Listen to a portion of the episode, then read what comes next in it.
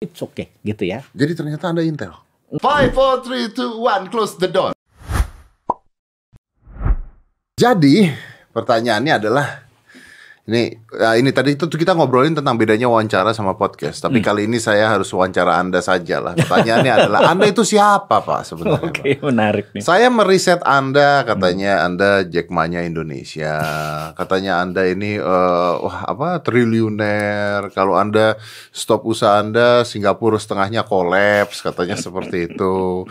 Tapi eh, sebagai seorang pengusaha kok Anda punya otak yang tidak seperti pengusaha kalau lagi ngomong gitu ya. Kan pengusaha itu harusnya Anda tuh kalau pengusaha itu harusnya ngomongin tentang bisnis bisnis bisnis gitu. Ini kok Anda kok rasanya gatel gitu loh, gatel. gue mancing ya. Waduh ini ini bisa bedah-bedahan ini. ini. Gua mancing ya? yang, Yang padahal tadi waktu di awal waktu kita ngomong eh, jangan cerita masa lalu ya kita cerita masa depan Oh aja. iya, gitu. iya, iya. jangan cerita masa lalu ya. Tapi Karena bi- bi- biarin jadi shadow aja gitu biar kan. jadi shadow aja. Tapi kayaknya penonton kan pengen tahu juga sebenarnya eh yang bisa diceritakan lu tuh sebenarnya ngapain sih ngurusin-ngurusin kayak begini bikin YouTube masalah tentang pemerintah masalah tentang radikalisme apa lu gatel apa apa sih? Jadi sebenarnya kalau lihat boleh jujur ba- basic eh, pengetahuan bawah sadar gua selama 25 tahun berbisnis adalah bisnisnya oil and gas gitu ya. Eh, eh, itu sudah menjadi eh, cerita panjang. Jadi kita punya eh, pipa di Pasuruan, kita punya LPG plant dan lain sebagainya dan lain sebagainya. Yang paling besar adalah di Singapura, kita punya eh, dengan Shell eh, apa namanya biasanya kalau flare gas itu dibakar kita bisa membuat negara Singapura menjadi the first zero flaring country gitu ya. Nah mesin itu dari Laksel adalah teknologi kita. Itu main lama dan gue bercita-cita memang eh, di Indonesia ini kan flaringnya hampir 1000 mmcfd per day dibakar dan gue bercita-cita dari dulu adalah gue ambil itu semua energinya. Anggap aja gue adalah eh, orange apa ya pasukan oranye gitu ya ngambil sampah daripada di flare gitu ya. Dan itu bisa jadi energi murah untuk power plant. Tapi nggak sesederhana itu karena Ya pasti. menteri-menteri eh, kemarin menganggap itu masih ada harga dan harus bayar. Padahal itu di flare akhirnya negara eh, sering rusak dan Indonesia memberikan kontribusi lebih dari 8% panas bumi karena flare tadi gitu ya gue sangat ber, be- itu mm, bisnis banget sebenarnya Itu bisnis. itu bisnis banget Tapi Dan- kan kalau itu bisnis ya bro ya. Hmm, ya. Artinya kan gini, oke lah, lu orang sukses di bisnis. Gua nggak tahu lah caranya gimana Hmm. lu bisa sukses kayak gitu. Ya oke lah, lu kaya. Kalau misalnya kita ngomongin gitu, lu sukses, kaya dan sebagainya nggak menarik ya buat gue. agree agree nah yang, yang menarik buat gue adalah isi otak lu apa ya maksudnya? Nah, Bukan di- masalah bisnisnya. di Kalau bisnisnya nanti gue belajar telepon-teleponan sama lu aja lah. Nah. Yang menarik itu adalah YouTube Anda isinya tidak ada gitu ya nggak nggak ada bisnis ya iya oke oke now kita ngomong ada dua split personality YouTube gitu ya Anda. jadi 2017 itu ada moment of greatness yang gue merasa eh, ini gue ini singa tua yang dilukain gitu ya nah Siapa yang melukai? Jadi dulu tuh ada sebuah peraturan yang menurut gue adalah bahasa Jawa gitu gue tuh adalah nemen nemen tuh gini eh BUMN adalah badan usaha milik negara Hmm. dia adalah operator Hmm. jadi dia operate tentang eh, minyak yaitu PLN, operate listrik namanya PLN, apa eh, Pertamina kalau itu itu PLN. Nah, kemudian dia dimasuk di bawah kementerian. Hmm. Sementara kementerian itu kan regulator. Bisa dibayangin brother Dedi, regulator sama operator jadi satu. Oke. Itu di atas monopoli. Karena itu gua adalah orang yang paling nggak setuju negara berbisnis. Oke. Emang lu dirugikan? Eh, kalau dia menjadi operator dan regulator, kalau tender secara normal, dia bisa gagalin dengan regulasi. Oh, gitu. Contoh, kerjasama antar BUMN. Nah, ini keterlaluan ya. Ini yang lalu nih, yang lalu Yang nih. kita bicara yang lama loh ya. Yang lama, yang Nggak lama. bicara yang sekarang yang ya. Sekarang, Oke. yang sekarang sudah ada kesadarannya nih. Hmm, gitu ya. Oke. Si dia sudah operator, dia regulator, dia gabungkan lagi menjadi kerjasama antar BUMN. Ini kartel namanya. Kartel. Jadi kalau kita tender, misalnya pengadaan pipa gitu ya, harganya 10 gue masukin gitu. Terus gue nomor 2, nomor 1 9 harganya lebih murah. Nah dulu tuh peraturan WTO, World Trade Organization ada ada first right to refusal. Jadi kita dipanggil sama Pertamina katakanlah, lu bisa pakai harga 9 nggak? Nah kalau kita bilang bisa, nah dia di refuse. Karena kita punya right, karena kita karena kita peng- pengelola yang lama. Jadi pengelola yang lama punya first right to refusal. Nah Tapi kalau ada kerjasama antar BUMN harus tunjuk BUMN padahal harga BUMN-nya 13. Hmm, hmm, hmm. Gue ngerti itu. Nah, itu Gue itu ngerti. nah, Tapi itu- apakah itu karena hubungan dengan bisnis lu? Nah, apa yang terjadi kalau bisnis gue yang sudah 15 tahun Oh, Anda dirugikan. harus berhentikan 280 pegawai gue harus di turn off semuanya. Ada tiga perusahaan begitu lebaran Pak saya udah dua tahun nggak makan Pak ini gimana? Itu dulu udah kayak saudara 15 tahun tapi sekarang udah gue bilang gila ya gue bilang dengan peraturan kayak gini ini menjadi dan BUMN tidak menghasilkan income. Gini BUMN dengan 800 dengan 8.000 triliun asetnya. Kalau dipegang swasta mungkin pajaknya eh, income negara 10 kali lebih gede. Percaya saya? Gitu ya. Tapi karena dikelolanya begini yang li- lima tahunan ganti orang ya begini. Jadi saya ini harusnya dibenerin nih. Gitu ya? Ini harusnya dibenerin nih. Tapi kalau saya pikir oke Ini- saya gimana benerinnya? Gitu ya. Karena saya kan bukan politician saya nggak ada passion untuk berpolitik gitu ceritanya. Oke nomor satu adalah udah deh semua perusahaan saya saya ganti di anak, nama anak saya jadi saya freeman benar oke setelah itu ada satu sisi di mana saya dulu setiap hari Rabu adalah saya diminta sebuah lembaga di negara sebagai anstra analisis dan strategik jadi Kok bisa? eh, perjalanan panjang. Oh, iya, Lu oke. jangan nanya lah itu.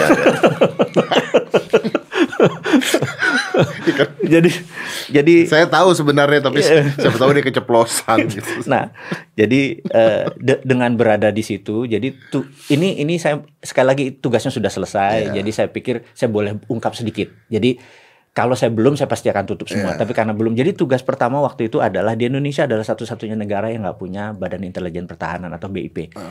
Eh, kalau di Amerika namanya Central in, eh, Defense eh, Def- CIA? bukan Defense Intelligence Agency DIA namanya. DIA, oke DIA, oke. bukan CIA Ya, DIA. Di- di- Defense Intelligence jadi Badan Intelijen DIA. Pertahanan Oke. Kalau DIA itu obat ya?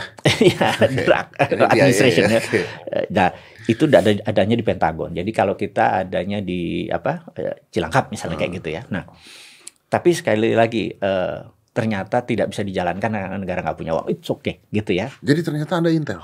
Enggak juga. Oh enggak, oke. Waktu itu diminta sebagai advisor atau diminta sebagai eh, Berarti lebih hebat dari Intel.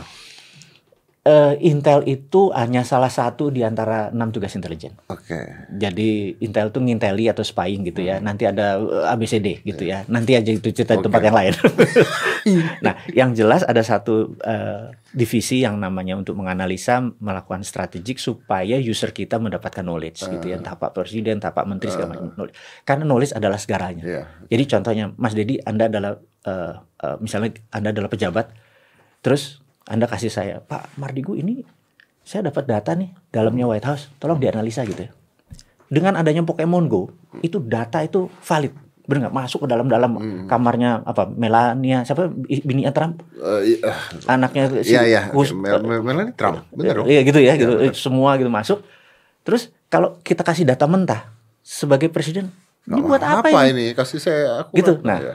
oke kita analisa Anda jadi yang informasi itu. ya informasi dijadiin knowledge apa dijadikan eh, di strategian jadi knowledge. Nah, knowledge itu bilang, "Pak, kalau mau nembak Trump jam 7 setiap hari Selasa dia makannya di sini, duduknya di sini, nah nembaknya dari sudut sini, Pak." Iya, iya, itu iya. jadi knowledge Itu namanya. jadi knowledge. gitu. Oke. Nah, kalau nggak data, nah banyak sekali saat ini kan presiden, menteri itu terlalu sibuk. Dikasih data gue kalau kelolotan gitu loh bahasa Jawanya. Hmm. Jadi knowledge nah sayangnya ahli-ahli knowledge di Indonesia ini parameternya nggak luas banget, jujur aja, karena mungkin reading booknya kurang. Hmm. Kenapa Anda nggak balik luar. lagi, Bro? Ah, saya sangat bukan sebagai analisis dan strategik. Jadi saya pikir gini, saya ingin negara ini menjadi terbuka Oke. daripada bergerak sebagai shadow. Karena itu kita menggunakan tulisan-tulisan atau video-video ini hanya untuk mengingatkan dari muscle knowledge yang lain. Jadi gini, pada saat A bekerja dengan pengetahuan dia, tapi kan ada muscle knowledge yang lain, pembanding. Ini loh otot pengetahuan yang lain. Jadi kit- karena gini, kita tahu bahwa seseorang udah 50 umurnya 60, ngerubah itu nggak mungkin. People doesn't change. Itu my belief. Hanya ekstra yang gede banget dia baru bisa change Yeah, gitu ya. so, yeah, I Nah, understand that. And Tapi then- kalau kita kasih muscle knowledge yang beda, dia cuman oke, ini adalah alternatif yang menarik. Daripada kita ngobrol begini dengan topik yang ber ini ya udah saya lewat udara saja gitu ya. Tapi kan lu you can go inside there and and uh, talk about that kan lu bisa Are masuk you ke dalam sure itu. I'm not. gua diterima? totally not. totally not. Nah. Just an idea. I know it's not. Well, maybe lu diterima ketika momennya berbeda gitu kan bisa aja diterima. Nah, jadi Iya. saya agak sedikit ini kalau Mas Didi tanya, "Ah, what you wish? I wish war happen. You wish a war happen. Kalau pada saat itu kan game changing nih di Indonesia kan shaky kan. Oh, iya. Perangnya bukan di Indonesia dong. Perangnya di tempat Perang lain, di luar tapi kan ya. gara-gara itu kita nggak bisa ekspor, kita nggak bisa impor. Iya. Total Mau tidak mau Indonesia berubah. Selat Hormuz kita nggak bisa, kan kita tahu 50% minyak Iya. kita i- i- eh, nggak kita nggak punya minyak dan lain sebagainya. Tok ekonomi shaky gitu kan. Mereka langsung bilang, siapa yang punya masalah knowledge yang beda? Ah, bos nih satu-satunya, maybe gitu. Ya, mungkin ya bro ya, mungkin, ya Mungkin. bro ya, mungkin. Ya. Jadi kalau udah masuk sana nanti kita undang lagi ke podcast ya setelah itu. Eh, anyway, tadi ngomongin tentang BUMN yang dulu katanya kan. Bla bla bla bla bla, berarti ada yang diuntungkan dong. Pasti Pihak tertentu, pihak tertentu. bukan pemerintah. Itu yang disebut oligarki. Oligarki adalah sekelompok orang mengendalikan pemerintahan. Itu oligarki. Plutokrasi adalah orang kaya mengendalikan pemerintahan. Jadi kalau di Amerika plutokrasi yang berkuasa. Ini? Kalau di Rusia itu oligarki yang berkuasa. Kalau yang ini, Dua-duanya yang berkuasa. cancuk. Cuk ya bener. Tapi kan saya kok berpikiran mungkin mungkin bukan eh, pemerintah juga yang yang mendapatkan keuntungan. Mungkin ada ada kumpulan-kumpulan tertentu yang Ya itu, makanya saya menyebutnya paling enak kan oligarki aja, gitu daripada menyebut nama, bener nggak? Hmm. Ya udah, itu namanya oligarki. Apakah pejabat? Bukan oligarki kan? Nah, oligarki ini apakah bisa juga bertentangan dengan pemerintah? Nggak bisa. Mereka adalah benalu. Mereka harus hidup. Ad- mereka harus ada cangkangnya. Persis seperti corona, harus ada cangkangnya. Kalau cangkangnya mati, dia mati. Apakah mereka bisa tujuannya nanti untuk merubah pemerintah? Enggak, karena mereka tahu cara make money dengan cara pemerintahan ini. Apakah pemerintah tahu adanya oligarki di sana? Eh, kalau kita ah ini ini ini this is interesting. Terkadang kalau kita berada di sebuah sangkar emas, kita nggak tahu bahwa kita berada di Ah. daerah yang udah ter karena kita berada di posisi sangkar emas itu biasanya selected information, Ya, informasi yang tidak tahu. diseleksi. Kita nggak sensitif. Ini saya saya saya, saya kasih cerita menarik. Ada sahabat saya Hmm. pelawak nasional tahun 90-an. Saya diundang waktu itu di sebuah radio, radio lawak gitu ya. Kita diskusi jam 11 malam selesai terus dia bilang, "Bro, gue mau curhat." Kenapa? Eh, gue nih lawakan gue beberapa bulan ini nggak lucu lagi gitu. Terus saya bilang, "Kenapa?" Terus dia bilang, "Apa? Lu tinggal di mana sekarang? Pondok Indah gitu." Oh, bukan lu di Cipinang, Cipinang banjir gitu. Terus dia bilang, "Eh, apa jangan-jangan gue tinggal di Pondok Indah, semuanya secure, semua nyaman, ya gue nggak sensitif, Possible. gitu ya. Sementara gue kalau di Cipinang gue nongkrong sama anak gang, dia ngeledekin orang, lucu, fun. Gue bilang, apa yang terjadi? Dia pindah ke Senin sampai itu dia pindah, cuman weekend house aja dia di Pondok Indah. Dan dia lucu lagi gitu ya. Nah, gue cuma mengingatkan adalah kadang-kadang kita berada di itu tuh karena selected information, kita menjadi tidak sensitif lagi gitu. Jadi kalau bisa bisa nggak orang itu ditiadakan langsung nongkrong aja sama anak-anak lagi. Feel-nya balikin lagi. Jadi ada yang udah apalagi udah enam tahun gitu ya. Saya Eh, buat- Jadi artinya eh, pemerintah sekarang baru nyadar, oh selama ini kita kena kerja gitu, dikerjain. mungkin belum sadar. Mungkin belum. Mungkin belum sadar gitu. Sudah mulai dong kalau di BUMN. Oh di BUMN dengan dengan saya pikir ya dengan pemainan baru tapi selama masih ada 800 BUMN saat ini dengan cucu cicitnya BUMN too much. Eh, saya kasihan dengan Mas Erik gitu ya, dengan 800 BUMN di bawah sini. Dia harus kalau main catur sederhanakan pemain, pion buang pion, seter sama gitu, sederhanin pemain. Tinggal 4 5 biji mainnya enak, langkahnya enak, lapangannya gede gitu ya. Jadi saya sarankan cucu cicit perusahaan tadi jadiin satu jual, jadiin satu jual gitu. Yang mother-mothernya aja holdingnya sekitar sekian itu dikerjain. Jadi le- lebih ringan. Nggak, nggak, nggak bisa lah eh, eh, superhuman seperti itu gitu. Mengerjakan ini. Ini, ini saran saya gitu ya. Dan dia udah clear nih sekarang maksudnya. Eh, eh, dia kerja sama BUMN-nya gitu. Nah kalau saya sekali lagi, saya kan anti government me- berbisnis. Jadi kalau saya, saya tidak masukkan BUMN sebagai kementerian. Ini harus diingat. Eh, Temasek juga BUMN, eh, Kasana juga BUMN Malaysia. Tapi dia bukan di bawah kementerian, nggak ada yang bukain pintu selamat pagi bapak, ada satpam dan sebagainya. Dia korporasi seperti biasa. Jadi operator ya operator, regulator regulator gitu. Jadi nanti kalau Pertamina ya sama SDM, menteri terkait. Jangan sampai dibuat kayak kementerian. Kementerian ini satu sa, sa- dunia hanya Cina BUMN-nya itu di bawah kementerian, di luarnya non. Udahlah jangan niru Cina kebanyakan lah gitu loh. Ya yang bagus-bagus boleh lah ya. Yang bagus-bagus boleh. UMKM Nah, naik. itu gitu, nah gitu itu ya. menarik. Modali gitu ya. Saya ada sahabat saya Pak Iskan. Suatu hari saya bilang, Pak, saya mau buat eh, eh, eh, sebuah eh, apa namanya kayak corporate yang pembiayaan untuk UKM. Dia bilang, saya mas katanya, kamu pernah ke Shenzhen? Belum.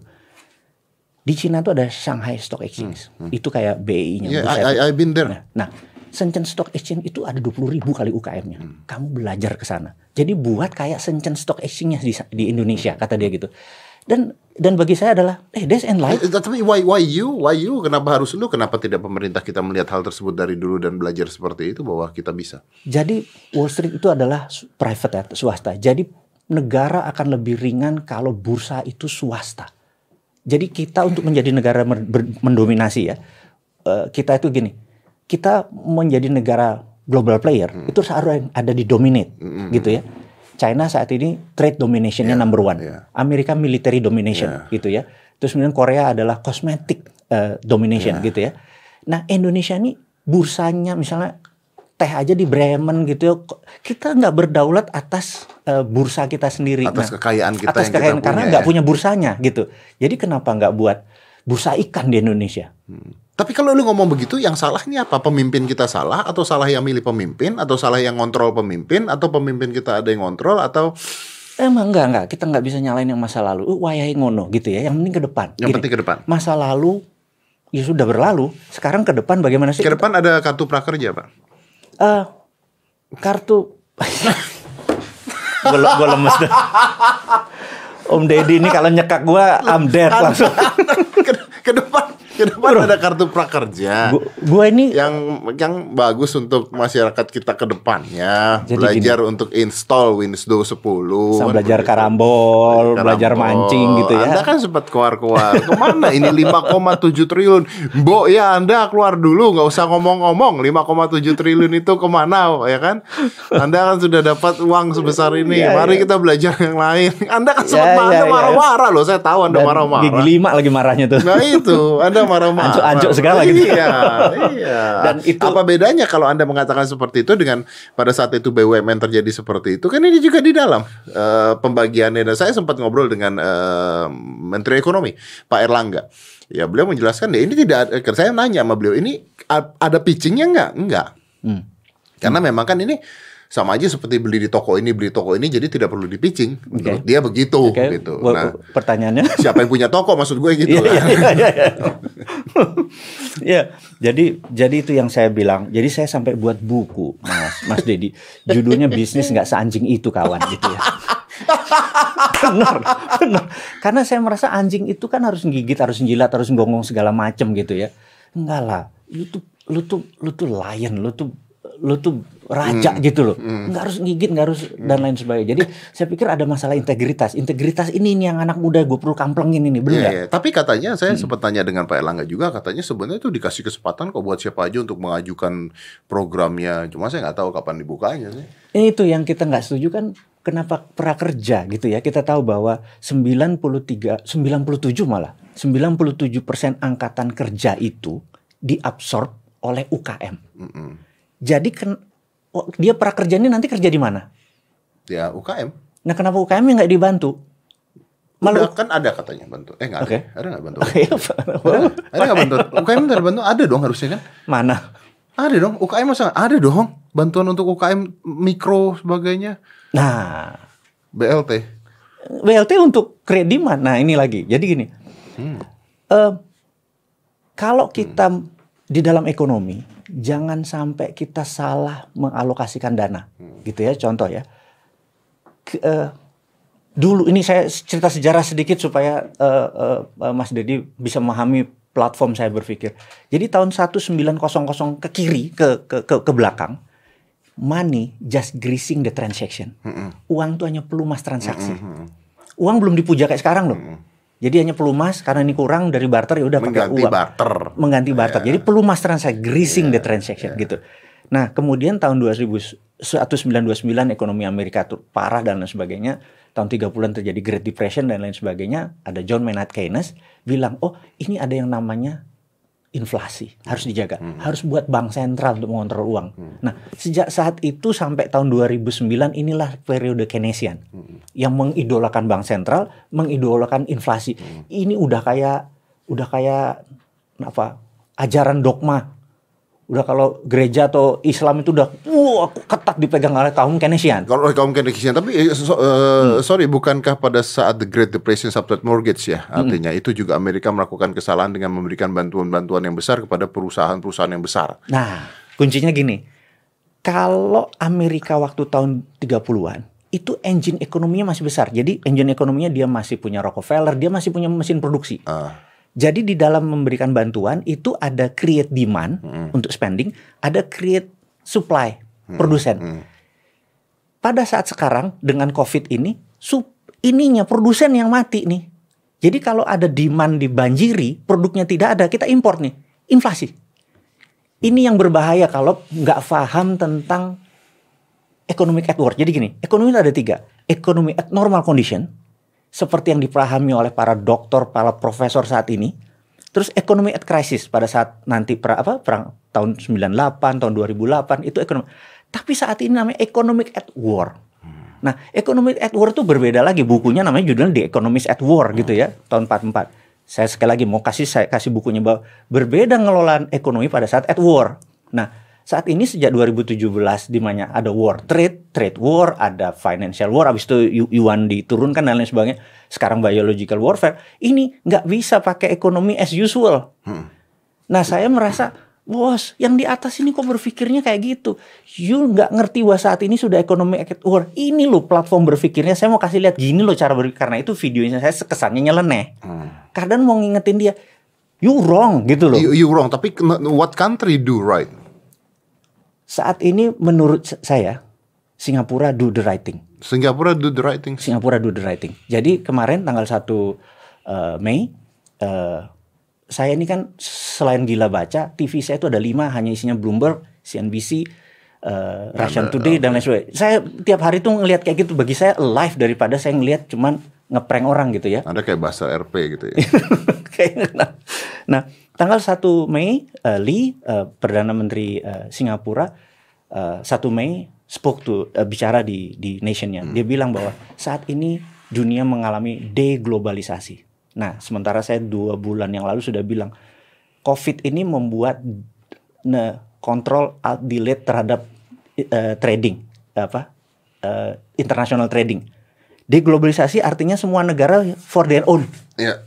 Nah, di di Singapura bilang kalau terjadi deglobalisasi, Singapura tuh nggak punya negaranya bergantung sama negara lain. Maka corporate action negaranya harus dirubah. Oke. Dia concern sekali dan waktu ngomong tuh shaky. Saya bilang gila nih orang care banget. Kita ngelihat dia passionnya, hati dia di situ gitu ya. Nah, sementara Indonesia ini tanpa impor tanpa ekspor, we are survive.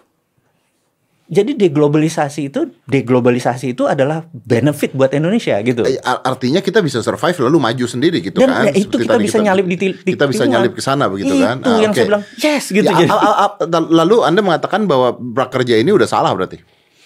Nggak tepat. Tidak tepat. Too early. Too early. Yes. Oke. Eh, eh, lu sempat merasakan bahwa eh, ke- ke mana, kenapa pemerintah memilih hal-hal seperti itu dan 5,7 triliun? Ih, Lemes gue kalau cerita itu. Kalau itu buat sektor produksi, tenaga kerjanya malah bisa keserap. Bener nggak? 5,7 triliun ini Itu kalau duitnya receh berapa gede itu? milihnya gimana ya? Nah, isunya adalah gua nggak tahu ini kalau pejabatnya sudah tidak menjabat dan ini dibawa jadi kasus. Keborgolnya banyak banget gitu. Mumpung belum kejadian, benerin deh. Kan bisa. Jadi gini, secara administrasi ini salah. Gitu. Tapi kalau kategorinya ini kan bencana. Tapi gue kan sempat gue bicara, gue sempat bicara dengan Pak Erlangga. Dia mengatakan bahwa ini kan seperti membeli barang dan orang kalau nggak memilih juga nggak apa-apa. Jadi kan ini dibuka semuanya. Terus gue sempat tanya juga kan tadi gue udah bilang bahwa gue sempat tanya kalau gitu dan ini dibuka kok siapa pun yang mau daftar untuk pe, apa namanya pe, apa penyelenggara ya Provider lah. untuk providernya bisa gitu. Cuman gue kemarin gue masih berdebat. Oh saya nggak tahu ya. Saya bilang. gue gue baru juga mau ngomong kayak gitu, bos. Kok Gue juga tahu? punya Gua bisnis gua- digital. gua kayaknya bisa ngasih tahu tentang belajar YouTube nih, belajar podcast nih kayaknya. Kayaknya sih kalau bicara podcast di YouTube, gue lebih bener deh ngajarin dibandingkan gitu misalnya Iya, gitu loh misalnya. Iya, I cannot answer that. You cannot Ta- ta- answer that. Tapi yang You don't jelas- want to answer that. itu kalimat yang je- jelas gitu ya. Kita nggak mau ada orang yang salah persepsi lah. Gitu. Ya ya ya ya ya ya. ya. Tapi yang jelas mungkin kalau eh, Mas Dedi yang dapat mungkin beda kali ngomongnya kita.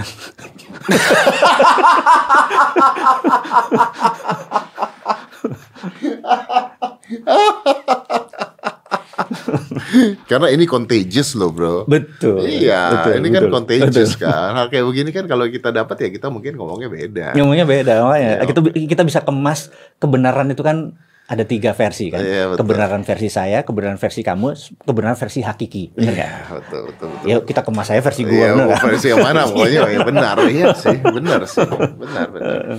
Nah, Indonesia ini sendiri kalau lu kemarin lu sempat gua nonton video lu juga lu ngomong tentang macam-macam dan paling banyak lu ngomong bicara tentang radikalisme. Oke. Apakah dengan adanya COVID-19 ini isu radikalisme menghilang atau malah menyusup dan menunggu waktu, Bro? Eh, radikalisme itu adalah sebuah pemahaman. Kalau dia tidak bergerak, hmm, bukan masalah pidana, gitu ya. Nah, kalau dia bergerak, gerakannya adalah terorisme, mela- nah itu baru jadi masalah Betul. pidana. Nah, radikal ini sebenarnya brother Dedi pun otaknya radikal. Hmm. Cuman Karena? dengan adanya podcast lu lu lu lu win the the competition di dunia beginian. Hmm. Itu kalau lu nggak 8 tahun yang lalu nggak berpikir radikal lu nggak punya ini semua gitu ya ceritanya Oke, ya. get it. Jadi Get it. Radikalisme itu nggak salah gitu. Hmm. Nah, tapi orang radikal yang mabuk agama, nah ini kadang-kadang Beda ya. Orang Beda. radikal yang mabuk agama Iya, gitu. ya, get it. jadi tersusupi sama ini dan ini gitu ya yang membuat kita eh, menjadi salah ke depannya. Nah, di zaman Pak Harto, di zaman Pak Harto, ini ada sebuah metode yang sebenarnya saya pengen pemerintah lakukan. Jadi gini, sebenarnya mereka-mereka ini ingat ujung-ujungnya duit, ujung-ujungnya ekonomi. Mau itu jadi Trump, bener nggak? Ataupun menjadi seseorang yang menggerakkan massa gitu ya. Dulu di zaman Pak Harto apa yang dilakukan? Mereka spot, misalnya di Indonesia ini ada 200 orang kategorinya provokator dan agitator. Bener nggak? Dengan membungkus kalimat-kalimat agama. Bener nggak? Itu tidak di penjara, tidak di corner, tidak, tapi dipepet. Dipepet. Dipepet, dikasih dikasih ada yang dikasih tambak udang, ada yang dikasih eh, terminal, dipiara, dikawin satu, dikawin dua. Pokoknya dia sibuk dengan materi, biniknya dibanyakin bener nggak? Sehingga dia tidak berdiri di panggung, tidak memprovokasi. Kadang-kadang nggak ada isinya provokasi itu karena karena kita lapar aja menjadi kayak bener gitu kan? Kenapa, kenapa tidak di kenapa tidak pada saat itu ada Petrus kenapa tidak dihilangkan? eh gini, itu pasten ya. Ke- Dulu HAM hak asasi manusia memang tidak sedewasa sekarang. Iya, artinya memungkinkan kan kalau dulu dihilangkan dibandingkan dipepet. Oh, lebih murah di lebih murah di di di dipiara daripada dihilangkan karena dihilangkan menimbulkan dendam. Dendam ini hidden I see. gitu, psychologicalnya ya. Mereka udah coba pernah coba dulu di awalnya pakai pakai Dihilangkan. gitu dihilangkan. Tapi ternyata lebih efektif pakai ini. Mereka lebih lebih dan itu berhasil waktu itu. Nah, sekarang bisa dilakukan dan Eh, itu bukankah di- tapi sekarang juga sebenarnya ada pemodalnya? Enggak juga. Enggak Jujur, juga. enggak juga, enggak Enggak juga. juga. Nah, saya menyarankan pemerintah, yuk kita mulai ujung-ujungnya ini, ini ek- ekonomi. Jadi dengan UKM digedein, dengan ini digedein, ini naik, mereka jadi semangatnya juga ji, bukan ya, kali, semangatnya juga semangat ekonomi, malah lebih positif buat bangsa dan negara ini gitu ya. Hmm. Kalau enggak mereka akan menyinggung hal yang paling parah di dalam Ipolek Sosbud Hankam adalah ideologi gitu ya. Hmm. Itu jangan sampai ditouch tuh. Kita adalah Pancasila garis lurus. Garis, Garis lurus. lurus, Wah, ya. susah bener gue ngomong. gitu. Nah, ini udah ini udah udah kartu mati. Nah, ada beberapa memang bermimpi Untuk merubah. untuk merubah gitu. Hmm. Itu. Tak, Masa ini tidak ada yang memodali semua ini dari negara asing sih? Saya ngomong, Eh, Hmm. dulu ya. Dulu ya. Sekarang enggak? sekarang tidak. Sekarang enggak? Jadi sekarang mandiri. Sekarang mandiri. Dengan harapan apa? Itu bisa dijual untuk hidup kok. Ya berarti UUD dong. JJS itu janji-janji surga itu bisa Iya, dijual. UUD kok. berarti kan. UUD, UUD juga ini UUD. kan. Karena itu kita tahu kok basicnya adalah UUD gitu. bullshit kalau dia bilang ini lillahi ta'ala dengan kalimat dan lain sebagainya. Tapi yang ka- sekali lagi, saya hanya bilang kalimat yang orang yang cuma 0,5 persen kali populasinya nggak besar itu, gitu. Tidak besar tapi suaranya Tapi suaranya kenceng. kenceng gitu. Makanya kan kerjanya gampang kalau kita mau mau mau, mau ngecilin. Jadi saya pikir ke depan. Tapi sekali lagi, di kanan ada gitu, di kiri juga ada loh. Di kiri juga ada. Ada. Jadi ingat film The Last Jedi. Ya. Apakah si ini mau dikasih Rey ini mau diajar? Karena gini, kalau Jedi-nya diturunkan dia jadi Jedi, maka pasti ada dark side. Maka ada dark side. Lebih baik gak diajarin spine-nya pendek. Juga ada poin. Ya, ya. Biar selesai semuanya ya. Bisa, bisa begini. Ini kalau ada begini, kita ini tumbuh loh yang ini. You understand? who- Iya, Iya kan? iya, iya. Jadi sebenarnya harusnya harusnya ada juga nggak apa-apa dong. Ada nggak apa-apa karena kalau bisa dikonten. Penyeimbangan. Iya, karena ini, ini ini pertanyaan ini dulu apa ini dulu? Ah. Nah ini harus dikonten. Bagi saya adalah saya senang ke sini nih. Nah, Jadi diseimbangkan dong disimbang- dua-dua ini dong. Simbang tapi dekat. Jadi Jedi-nya jangan diturunin ilmu ilmu ilmu Jedi-nya. Ah, karena kalau ini hilang ini ini, oh ini bisa Ih, gitulah kira-kira ini ini cerita filosofi aja Star Wars. Star Wars. Kita ngomongin Star Wars kan ya. Star Wars gitu. Kita ngomongin Star Wars ya, emang beneran. Star Wars. gitu. Wow, that's that's amazing loh. Eh, karena eh, menurut gua COVID ini sebetulnya menghentikan banyak hal yang akhirnya musuhnya jadi satu sebenarnya. Which is good loh. Gua so far melihat ini blessing. You look at this as blessing. Yes. Jadi gue pernah bilang bahwa In a COVID, COVID kill life. COVID membunuh manusia. But Slow government kill everything. And yang di Indonesia ini bukan yang pertama. And I'm happy. you happy because it make it quick. Yes.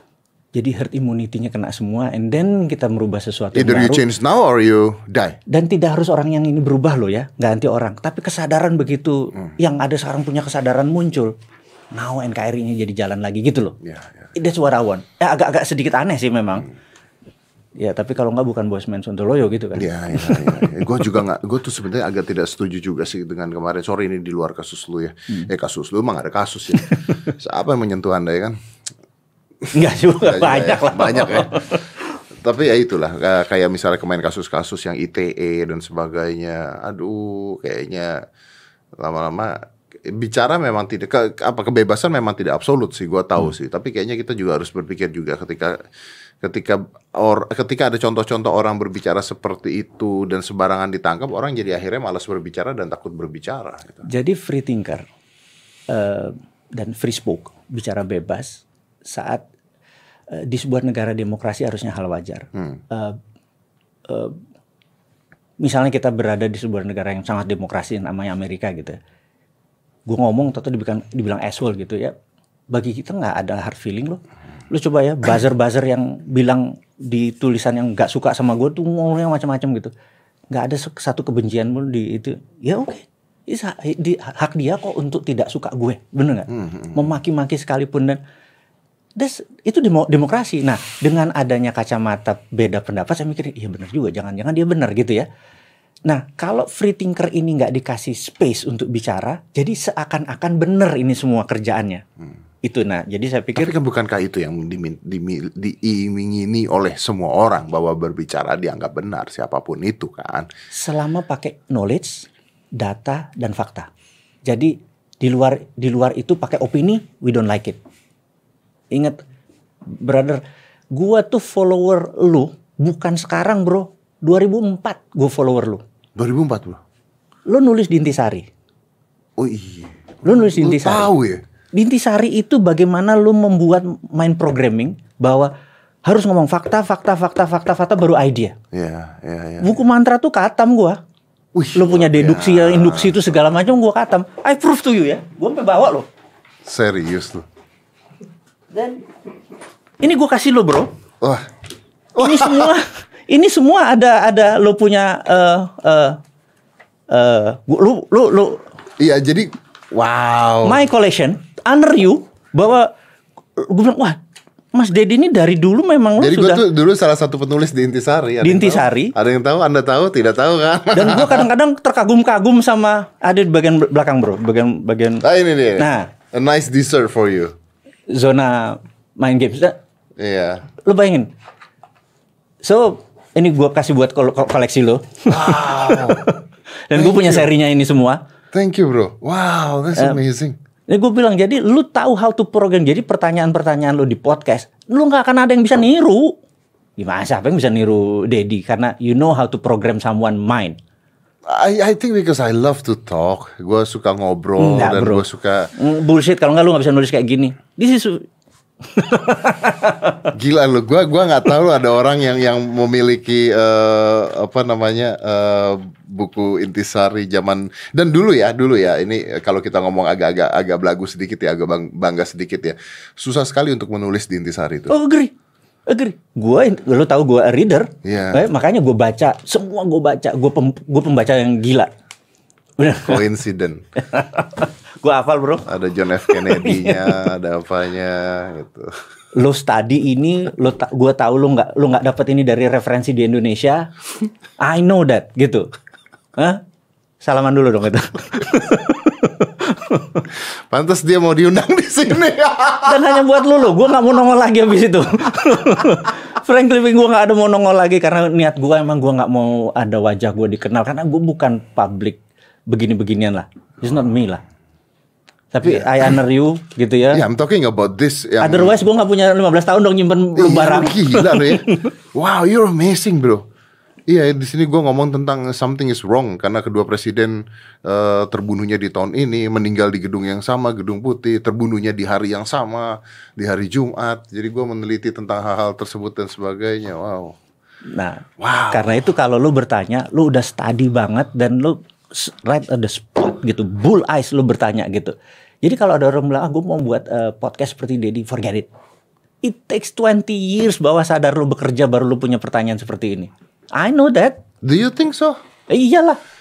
Jadi mungkin ada orang ngikut-ngikut. Karena gitu. sorry, karena begini, karena maksud gua gini, gua tidak merasa bahwa eh, kesuksesan di podcast ini karena gua ada mempelajari hal-hal ini karena men- gua berharap gua berpikir bahwa because I love to talk dan ngobrol apa ada subconscious do you think kan sesuatu yang di repeat menjadi sebuah keunggulan. Jadi tidak ada keunggulan, kata Socrates nih. Iya iya iya Lalu ngulanginnya di 20 tahun yang lalu. Gimana lu bisa ditiru? Yeah, actually you're right I just realized that wow yeah Itu. So congratulations. 20 years ago 20 fucking years ago making this teman-teman juga bingung nih ada intisari ternyata ada benda beginian. Makanya ketika saya berbicara tentang konspirasi itu seorang orang mengatakan, oh suka, eh, apa, udah oh, tiba-tiba ngomongin konspirasi, enggak teh dari dulu teh ada Dari gitu ya. dulu lu udah lu, lu udah tahu itu gitu. Passion lu punya ini dan lu tepat gitu ma- masuk ke ke sasaran itu gitu ya. Lu ada ada ada drive untuk country, lu ada drive untuk bangsa. Dari situ gua udah tahu. Lu dari dulu udah geopolitik sebenarnya. In a way dikemas dengan bahasa begitu. Ah, you're amazing, bro. Gitu brotherku. This is your books? Yes. Dan aku koleksi. You give it to me? Yes. Wow, thank you. Wow, I appreciate this. Gitu. Eh, mungkin tua, bener nggak? But- Tapi this is your history. This is a heirlooms. Iya. This is a heirlooms. Anakmu akan eh cucumu one day God damn it, this my grandpa bener gak? Lu mungkin malu bacanya sekarang. Ini 2003 loh. Iya. 2003, ada yang 2004, ada yang 2004. gue masih punya. Dulu tuh berapa lama sekali sih? Sebulan sekali. sekali. Once a month ya, sebulan sekali. ya? Sebulan sekali. Jadi pertama yang gue lihat adalah itu. Karena gue bilang this guy is strange. Cara berpikirnya beda nih, gitu. Gue suka oddity, gue suka keganjilan.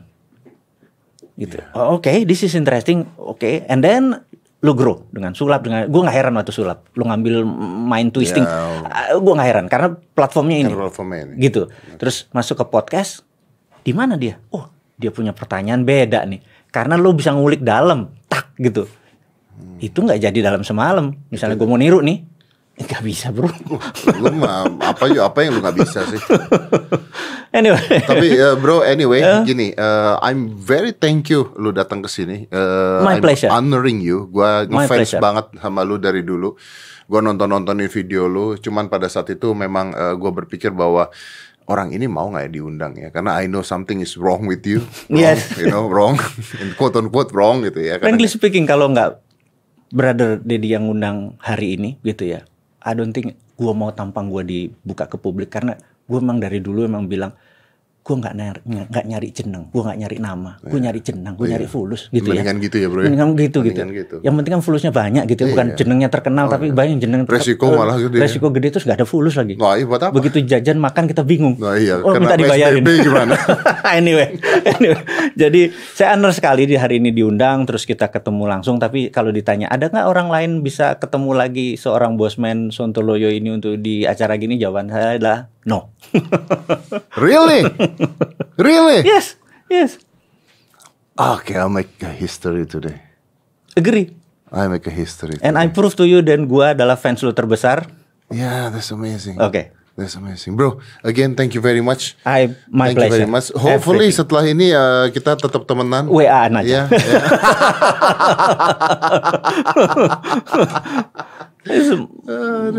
More human kita. Iya, iya, iya. Well, you're amazing dan uh, mungkin nggak banyak orang dengan all the knowledge yang ada Bosman Sontoloyo uh, ini punya. Every uh, uh, comments that I get semuanya ngomong undang Bosman, undang Bosman itu sudah dari a year ago. Cuman gue tahu ya tadi gue bilang bahwa ini nggak semudah ini nih kita ngundang Bosman ya. Tapi let's say lah if I can get him dan sebagai dan rupanya beliau menjawab dengan uh, sangat baik pada saat itu dan this moment is a history. I will remember this Thank you. and appreciate for your coming. Thank you. very much, bro. Thank, Thank you, you, very thank you, much. thank you. Let's close this. Five, four, three, two, one. Close the door. Five, four, three, two, one. Close the door.